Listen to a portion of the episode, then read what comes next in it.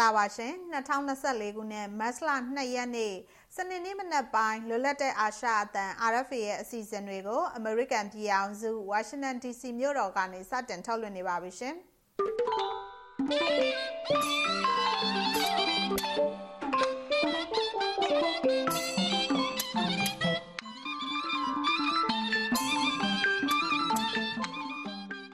မဝေမာထွန်းပါရှင်ဒီနေ့မနက်အစီအစဉ်မှာနောက်ဆုံးရသတင်းတွေနဲ့အတူ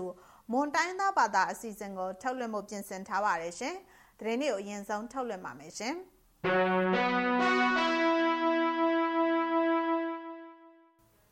အမျိုးသားညီညွတ်ရေးအစိုးရ NUG ခေါင်းဆောင်တချို့နဲ့ထိုင်းလွှတ်တော်အမတ်တွေပါဝင်မဲ့မြမအရေးဆွေးနွေးပွဲတစ်ခုကိုဒီနေ့မတ်လ2ရက်နေ့မှာစတင်ကျင်းပဖို့ရှိပါတယ်။ ထိုင်းလွှတ်တော်ကော်မတီတစ်ခုကနေစီစဉ်တဲ့အွန်လိုင်းဆွေးနွေးပွဲကိုမြန်မာပြည်ဒီမိုကရေစီရရှိရေးနဲ့ထိုင်းမြန်မာနယ်စပ်လုံခြုံရေးအပေါ်အကျိုးသက်ရောက်မှုလို့နာမည်ပေးထားပြီးတော့ NUG နိုင်ငံသားရေးဝန်ကြီးဒေါ်စင်မာအောင်နဲ့ကုလသမဂ္ဂဆိုင်ရာမြန်မာတပ်အမတ်ကြီးဦးကျော်မိုးထွန်းအပြင်အမျိုးသားညီညွတ်ရေးအတိုင်းအမြံကောင်စီ NUCC နဲ့ ကရင်အမျိုးသားအစည်းအရုံး KNU တို့ကကိုယ်စားလှယ်တဦးစီတက်ရောက်တင်ပြဆွေးနွေးကြမယ်လို့သိရပါတယ်။မတ်လ3ရက်နေ့အထိနှစ်ရက်ကြာကျင်းပမယ်ဒီဆွေးနွေးပွဲမှာ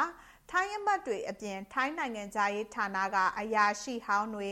ကုလသမဂ္ဂမြန်မာနိုင်ငံဆိုင်ရာအထူးကိုယ်စားလှယ်တွန်အန်ဒရူးစ်နဲ့ရန်ကုန်တက္ကသိုလ်မြန်မာကျောင်းသားသမဂ္ဂကိုယ်စားလှယ်ကိုအောင်ဖုံးမော်တို့လည်းပါဝင်ဆွေးနွေးကြဖို့ရှိပါတယ်ရှင်။ စစ်တပ်အာဏာသိမ်းခဲ့ပြီးတော့၃နှစ်အကြာမှာမြန်မာပြည်သူတရက်လုံးမဆုံးနိုင်တဲ့ဒုက္ခဆင်းရဲတွေကိုခံစားနေကြရပြီးတော့မြမအရေးကိုကုလသမဂ္ဂနဲ့နိုင်ငံတကာကအာယုံစိုက်ဖို့အရေးတကြီးလိုအပ်နေပြီလို့ကုလသမဂ္ဂလူခွင့်ရေးဆိုင်ရာမဟာမင်းကြီးဗော့ခါထက်ကပြောလိုက်ပါတယ်ရိုဟင်ဂျာတွေအပါအဝင်မြန်မာပြည်သူတွေအပေါ်လူမဆန်ရက်စက်မှုတွေကျူးလွန်နေတာကိုတားဆီးဖို့နိုင်ငံတကာအတိုက်အဝန်းအနေနဲ့စစ်ကောင်စီကိုလက်နက်လေရင်လောင်စာစီနဲ့ နိုင်ငံခြားငွေသုံးစွဲခွင့်တွေရယူပိုင်ဆိုင်နိုင်ခြင်းမရှိအောင်ကန့်သတ်ပိတ်ဆို့ကြပါလို့လည်းသူကပြောလိုက်ပါတယ်။မတ်လတရက်နေ့မနေ့ကဂျနီဗာမြို့မှာကျင်းပတဲ့ကုလသမဂ္ဂလူခွင့်ရေးကောင်စီညီလာခံမှာသူကပြောခဲ့တာပါရှင်။စစ်ကောင်စီကအထမစစ်သားစုဆောင်းတာဟာအာဆီယံဒေသတွင်ငြိမ်းချမ်းရေးတည်ငြိမ်ရေးနဲ့လူသားလုံခြုံမှုအပေါ်အန္တရာယ်ပြုနိုင်တာကြောင့် ချက်ချင်းအရေးယူပေးဖို့အရက်ဖက်အဖွဲ့အစည်း400ဝန်းကျင်ကကုလသမဂ္ဂလုံခြုံရေးကောင်စီကိုမတ်လ၁ရက်နေ့မှာတောင်းဆိုလိုက်ပါတယ်။ကုလသမဂ္ဂလုံခြုံရေးကောင်စီမှာဥက္ကဋ္ဌဖြစ်လာမဲ့ဂျပန်နိုင်ငံအနေနဲ့စစ်ကောင်စီပေါ်စီးပွားရေးအရာပြစ်မှတ်ထားပိတ်ဆို့အရေးယူဖို့လက်နက်တင်ပို့ရောင်းချတာတွေအလုံးစုံပိတ်ဆို့ဖို့နဲ့မြန်မာနိုင်ငံအကြက်အတဲကိုနိုင်ငံတကာရာဇဝတ်ခုံရုံး ICC ကိုလွှဲပြောင်းပေးဖို့ဆုံးဖြတ်ချက်ချနိုင်အောင်အရေးပေါ်အစည်းအဝေးခေါ်ယူဖို့တောင်းဆိုထားပါတယ်ရှင်။စကိုင်းတိုင်းကောလင်းမြို့နယ်အရှိတ်ချမ်းကိုစစ်ကြောင်းထိုးလာတဲ့စစ်ကောင်စီတပ်က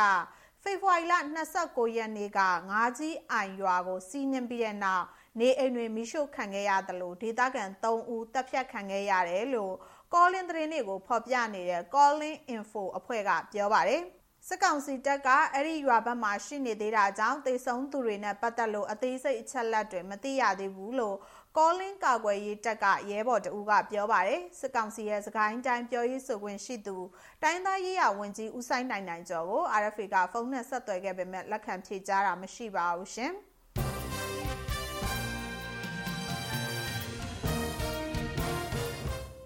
သတင်းတွေကိုထုတ်လွှင့်ခဲ့တာပါရှင်အခုဆက်လက်ပြီးတော့သတင်းဆောင်မတွေကိုထုတ်လွှင့်ပါမယ် ထိုင်းအစိုးရကမြန်မာနိုင်ငံကိုလူသားချင်းစာနာမှုအကူအညီတွေပေးအပ်မဲ့အစီအစဉ်တစ်ခုကိုကြေညာထားပါတယ်။ဒါပေမဲ့ဒီအစီအစဉ်ဟာသက်ဆိုင်သူတွေနဲ့ထိတွေ့ဆက်ဆံမှုမလုပ်ရင်ထိရောက်တဲ့အကူအညီဖြစ်လာမှာမဟုတ်ဘူးလို့ကျွမ်းကျင်သူတွေကတတိပေးထားပါတယ်။ကိုရဲကောင်မြင့်မောင်တင်ပြထားပါတယ်ရှင်။ထိုင်းအစိုးရကထိုင်းနဲ့မြန်မာနှစ်နိုင်ငံအကြားမှာဘေးကင်းလုံခြုံတဲ့နယ်မြေ safe zone တစ်ခုဖန်တီးပြီး မြန်မာနိုင်ငံကစစ်ပေးရှောင်ပြည်သူတွေအတွက်စားနပ်ရိက္ခာနဲ့ဆေးဝါးတွေကိုမြဝတီမဲဆောက်လမ်းကြောင်းကနေတဆင့်ပို့ဆောင်ပေးဖို့အဆိုပြုထားတာဖြစ်ပါတယ်။ဒီအစီအစဉ်မှာအာဆီယံလူသားချင်းစာနာမှုအကူအညီပေးရည်ညှိနှိုင်းမှုဗဟိုဌာနအဟာစင်တာရဲ့ပူးပေါင်းကုတ်ကဲမှုအောက်ကနေထိုင်းနဲ့မြန်မာကြက်ချေနီအဖွဲ့တွေပူးပေါင်းဆောင်ရွက်ပြီးအကူအညီတွေကိုပို့ဆောင်သွားဖို့ဖြစ်ပါတယ်။ ဒီဒီအစီအစဉ်အရကနဦးစစ်ဘေးရှောင်ပြည်သူ2000ကျော်ကိုအကူအညီပေးနိုင်မှာဖြစ်ပြီးနေဆက်ဒေတာတည်ငြိမ်ရေးနဲ့အာဆီယံရဲ့မြန်မာအရေးကြိုးပမ်းမှုအတွက်အထောက်အကူဖြစ်မယ်လို့လည်းထိုင်းအစိုးရကကြေညာထားပါတယ်။ဒီအစီအစဉ်ကိုပြီးခဲ့တဲ့ဇန်နဝါရီလကအာဆီယံနိုင်ငံသားရေးဝန်ကြီးများအစည်းအဝေးကနေလည်းထောက်ခံထားပါတယ်။ကုလသမဂ္ဂရဲ့စီးနေရမြန်မာနိုင်ငံမှာစစ်တပ်ကအာဏာသိမ်းလိုက်ခရေကဖြစ်လာတဲ့စစ်ရေးပြပခါတိုက်ခိုက်မှုတွေကြောင့်မြန်မာပြည်သူ2.8တန်းလောက်စစ်ဘေးဒုက္ခတွေဖြစ် နေအိမ်ဆွန့်ခွာထွက်ပြေးနေကြတာဖြစ်ပြီးဒီထဲက3သိန်းကျော်လောက်ကထိုင်းမြန်မာနယ်စပ်တလျှောက်ကရင်နဲ့ကယားပြည်နယ်တွေမှာစစ်ဘေးရှောင်နေကြတာဖြစ်ပါတယ်။ဒီအကူအညီပေးရေးအစီအစဉ်ကနေတဆင့်အာနာသိန်းစစ်ကောင်စီတိုင်းရင်းသားလက်နက်ကိုင်အဖွဲ့တွေနဲ့အမျိုးသားညီညွတ်ရေးဆိုရ NUG တို့အကြားဆွေးနွေးညှိနှိုင်းမှုတွေလည်းဖြစ်လာဖို့မျှော်လင့်ထားတယ်လို့ထိုင်းအစိုးရတာဝန်ရှိသူချုပ်က RFA ရဲ့ညီနောင်သတင်းဌာန Bina News ကိုပြောထားပါတယ်။ဒါပေမဲ့လည်းထိုင်းအစိုးရဟာသက်ဆိုင်သူအလုံးနဲ့ထိတွေ့ဆက်ဆံမှုမရှိတဲ့အတွက် ဒီအစီအစဉ်ဟာအမှန်တကယ်ထိရောက်မှုရှိပါမလားလို့လည်းကျွမ်းကျင်သူချုပ်ကမေးခွန်းထုတ်နေကြပါတယ်။ထိုင်းနိုင်ငံအနေနဲ့မြန်မာပြည်သူတွေကိုကူညီခြင်းနဲ့ဆိုရင်သက်ဆိုင်တဲ့တိုင်းရင်းသားအဖွဲ့တွေရပ်ဖက်အဖွဲ့တွေအားလုံးနဲ့ထိတွေ့ဆက်ဆံပြီးစကားပြောဖို့လိုအပ်ပါတယ်အခုလိုမြန်မာနိုင်ငံဘက်ကကြက်ချီနီအသင်းကိုအားလုံးလွှဲပေးလိုက်တာမျိုးမလုပ်သင့်ပါဘူးလို့ကာဆက်ဆတက္ကသိုလ်ကအရှိတောင်အာရှသမိုင်းဌာနကတိကလာလီတာဟန်ဝေါင်ကပြောပါတယ်ထိုင်းနိုင်ငံအနေနဲ့မြန်မာနိုင်ငံကပြည်ပခါတွေခြုံငိမ့်သွားခြင်းနဲ့ဆိုရင် အခုလိုနေဆက်ဖြတ်ကျော်ပြီး ကာလတို့အကူအညီချို့ ပေးရတာလောက်နဲ့ မရပါဘူးလို့လည်း ထိုင်းအစိုးရရဲ့ နိုင်ငံတော်လုံခြုံရေးကိစ္စတွေအတွက် အကြံပေးဖြစ် ဆောင်ရွက်နေတဲ့ကာဆက်ဆာတက္ကသိုလ်ကတိက လာလီတာ က ပြောပါတယ် မိုင်မောင်း1500နီးပါးရှိလျားတဲ့ ထိုင်းမြန်မာ နယ်စပ်တစ်လျှောက်မှာ1980ပြည့်နှစ်တည်းက တည်းက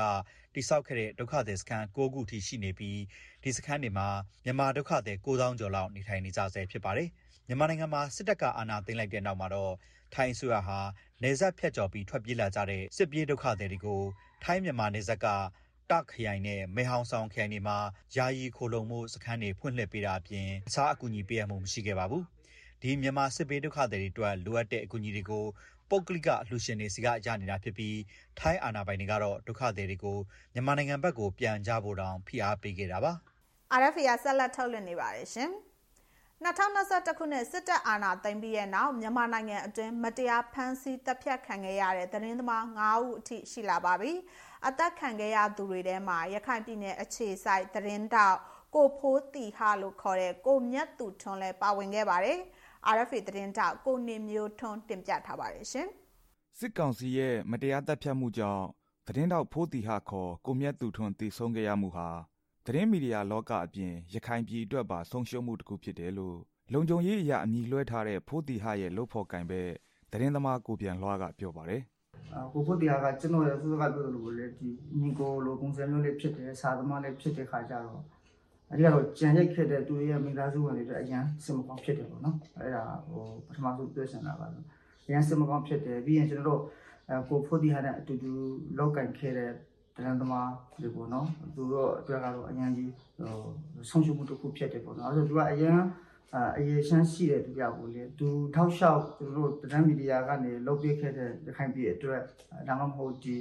ပြည်သူလူထုအတွက်ကျွန်တော်တို့အများကြီးဟိုအကျိုးကျေးဇူးတွေရှိခဲ့တယ်ပေါ့နော်ဆိုတော့အဲဒီအတွက်လည်းအများကြီးဆုံးရှုံးမှုတွေဖြစ်တယ်သတင်းတောက်လုတ်တဲ့20နီးပါးရှိပြီဖြစ်တဲ့ဖိုးတီဟာဟာလုတ်ဖို့ကင်ဘက်သတင်းသမားတွေကြားသူသိထားတဲ့သတင်းတက်ပညာကို အမြဲမျှဝေတဲ့သူတူဖြစ်ပါတယ်။သူဟာအရေးချင်းရှိတဲ့သတင်းတောက်တူဖြစ်ပြီးသတင်းအလုပ်ကိုယူသွတ်သူအလွန်တွေ့တာသူတယောက်လိုလဲ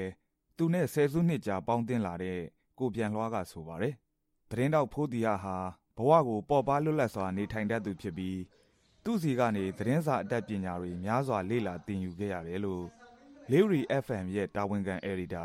ကိုတေစာအောင်ကပြောပါတယ်။သူ့ရဲ့အားလာချက်ကတော့ရိုးသားတာပေါ့နော်။အဲရိုးသားဆက်ဆံတယ် ပြီးလို့ရှိရင်သူ့ရဲ့ပညာတွေကိုဝေမျှတတဲ့အကျင့်ရှိတယ်။ဥပမာဆိုပါတော့ကျွန်တော်တို့ဆိုရင်သူ့စီကအများကြီးသင်ခဲ့ရရှိတယ်အမတရားဆောင်းမနဲ့ပတ်သက်ပြီးတော့သူစီရအားတွေပြီးတော့သတင်းထောက်ပညာရေးနဲ့ပတ်သက်ပြီးတော့အမသတင်းရင်းမြစ်စီစီကိုကျွန်တော်တို့ဘယ်လိုသတင်းယူရမလဲဘယ်လိုမျိုးမေးခွန်းတွေမေးရမယ်ဘယ်လိုမျိုးလုပ်သင့်တယ်ဆိုတာမျိုးတွေသင်ပေးတယ်အဲပြောမှဆိုရင်အပေါင်းအသင်းမိတ်ဆွေဆိုတာထက်ဘယ်လိုပြောမလဲလောက်ကင်ဖက်ဆရာဆရာတစ်ဖက်ပုံစံမျိုးလေးတော့လုပ်ပေးနေတဲ့အဲ့ဒါရှိတယ်ပေါ့နော်ဖိုတီယာဟာ DBB 7 Day The Voice DMG သတင်းဌာနနဲ့ပြည်တွင်းပြည်ပသတင်းဌာနတချို့မှာလုပ်ကင်ခဲ့ပြီးဖမ်းဆီးခံရခြင်းကစစ်တွေမျိုးအခြေဆိုင် Western New သတင်းဌာနမှာဂူညီလုတ်ကင်ပေးနေတာဖြစ်ပါတယ်။သူဟာစုံစမ်းထောက်လန်းသတင်းရေးသားဖော်ထုတ်ရတာကိုစိတ်ဝင်စားသူတူဖြစ်ပြီးရရခိုင်ပြည်တွင်းကလူခွင့်ရေးချိုးဖောက်ခံရမှုတွေကိုဦးစားပေးဖော်ထုတ်ရေးသားခဲ့သူတူဖြစ်ပါတယ်။သူကတဲ့ကိုဘယ်လိုရှိလဲဆိုတော့တော်တော်ရွတ်တဲ့အထက်မှာပါတယ်။ပါတယ်ဆိုတာကနောက်ဆုံးပိကတော့သူရခိုင်မှာအခြေစိုက်တယ်ဆိုတဲ့အကြောင်းရင်းက ရခိုင်ကတဲ့တွေကိုမြန်မာပြည်တပြည်လုံးကိုဒီတကဘာလုံးကိုသိစေချင်တယ်ဒီမှာဘလို့ချိုးပေါက်ခံရတယ်ဒီမှာဘလို့ဖိနှိပ်ခံရဆိုတာသိစေချင်လို့သူကရခိုင်မှာပြန်ပြီးအခြေစိုက်တဲ့သဘောမျိုးလို့သတင်းတောက်ဖိုးတီဟာဟာ2022ခုနှစ်စက်တင်ဘာလ20ရက်နေ့ကမြောက်ဦးမြို့ကသူ့ရဲ့နေအိမ်မှာစစ်ကောင်စီရဲ့ဖမ်းဆီးခြင်းကိုခံခဲ့ရတာပါဖမ်းဆီးခံရပြီးနောက်ပိုင်းဖိုးတီဟာကိုပုံမှန်905ကကြီးနဲ့တရားစွဲဆိုခဲ့ပြီးမြောက်ဦးမြို့မှရဲစခန်းမှာထိမ့်သိမ်းထားခဲ့တာဖြစ်ပါတယ် အခုနောက်ဆုံးအနေနဲ့မွန်တန်းသားဘာသာအစီအစဉ်ကိုထုတ်လွှင့်ပါမယ်ရှင်။မွန်ပြည်နယ်ကထူးခြားသတင်းတွေကိုမြန်မာစာတန်းတို့နဲ့ကြည့်ရှုနိုင်ပါတယ်ရှင်။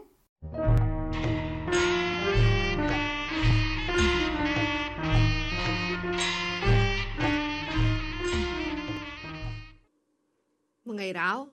ប្រយសាច់ញវេកលាំងសាតតញកំឡាញអូកកដៃប៉ងកតសាច់ចោសាច់កយ៉ាបាប្រកាយនីកោរះណាមួយភិនមេតារ៉ា អជីចងរំសាញ់អាវេផេសាមនសកសថាណោអូមិនសៃថកេតាលីអញតផកក្លាលោហតៅម៉ាត់សថាបឋមាណោបកផែឧតាកញ្ញាំងអលងបវៃដេមួយដៃណោប្រៃណោបោះបះកនតកនលុយព្រៀងកលេមកឆាក់ថបតន្តបះអាកណោឌូតវ៉ារដៃមកបវៃដេមួយដៃងទេក្លែងចាត់ហតៅម៉ាត់ចមុតងបសោណោបកអាផែឧតាកញ្ញាំងឆងបវៃដៃណូកោគេតានគេនូកោហកូនលុយប៉តញស្នៃមនបវៃដៃមួយដៃតរ៉ា ផៅដកញ៉ាងឆងបវៃដៃណៅកតៃប៉ងតួប៉កអកបវៃតៃនៅនៅបវៃដៃមួយដៃចោះបវៃតៃតកតអាចារផែអាចាបអរងគេតូនអាតកលេបកុំគេមកផោះណូគេតានគេរ៉ាណាណៅកតៃដូចបវៃដៃមួយដៃផមែប្រោប៉កអាតមតូម៉ានការ៉ាអកុយតូនលុយកក្លែងរងរងកកតនូកោញ៉លញ៉ៃកូនលុយប៉ទិនស្នៃម៉នបវៃដៃមួយដៃមកតឡាកែលកំរ៉ាដូបវៃដៃមួយដងទេផែមកឧតកញ្ញាកត់ក្លោអត់បកក្លៃម៉ានកលេហណៃបវៃដៃព្រៀងដេងគួនហេបោះសោះតោ បោះក្លជុលចាក់ម៉ាមណូកែលកំរោ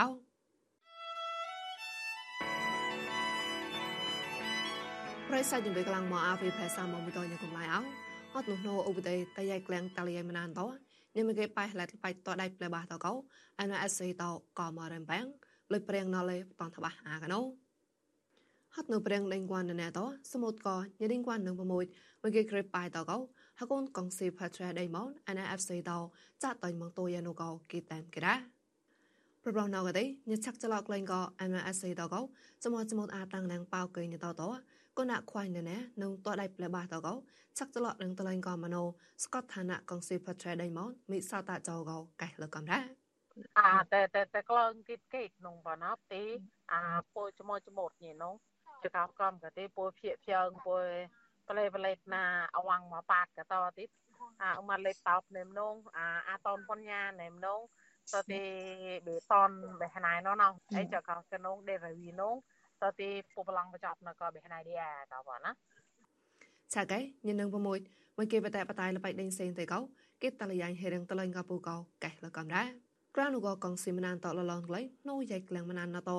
ស្វាក់ប្រេងកឹងក្លងស្មូតកោមីមែតោអាត់ក្លែងរឹមបែងការ៉ា ណកោ NSC តោចាស់មកក្លែងរសៃណណូកោមិនសាតាចោកែលកំរ៉ាខ្លួនក៏ពួយណាបេប្លែលសិសាប់ប្លត់នៅមកហឹកសៀងពុបេញីមីម៉ៃញីនឹងវ៉ាន់តគូតាញ់ក៏អាអាត់មកក្លងក៏ក៏ក៏ទីអីចោរ៉ាទៅពុតតខ្លួនប៉ុណ្ណាមកមកហត់ពុតរ៉ាញីដូតបរហាំទេអេអាអណៃក៏ពុកណេមតញីដូតបរ៉ាំអេអេបេព្រៀងណៅក៏ពុតតខ្លួនខ្ញុំមិនប្រោប៉ុណ្ណា តបឡងណែក៏សមតោរងតាត់នូក៏នុតឡាអ៊ុយមណានតញ៉ងគេភីក្លែងស្គូស្វាក់មេដាំប្រាក់តមានកលេអានអេសេតៃផអូលកំរ៉ាកងស៊ីផាត្រាដៃម៉ងកទេក្រានូក៏មណានសានអវេតឌូក៏កូនហចេចាស់ផ្លោះតាមនតកោស្បាចណាក៏កូនកៅម៉នក៏តវ៉ារដៃម៉នតតាក់បតឡោណែតតកូនផ្លោះតាមហកូននូកលេគេតាមគេក្លកំរោអជីចងឡរំសាញអាហ្វេផេសាមនស្វាក់សថាណៅតជូណាឆាមណកវ៉ារ៉ាតាំងកងភងឡងរោ RFA ရဲ့အစီအစဉ်တွေကိုဒီမှာပဲညံနာပါရစေမြန်မာပြည်သူပြည်သားများဘေးအန္တရာယ်ပေါင်းကင်းဝေးပါစေရှင်။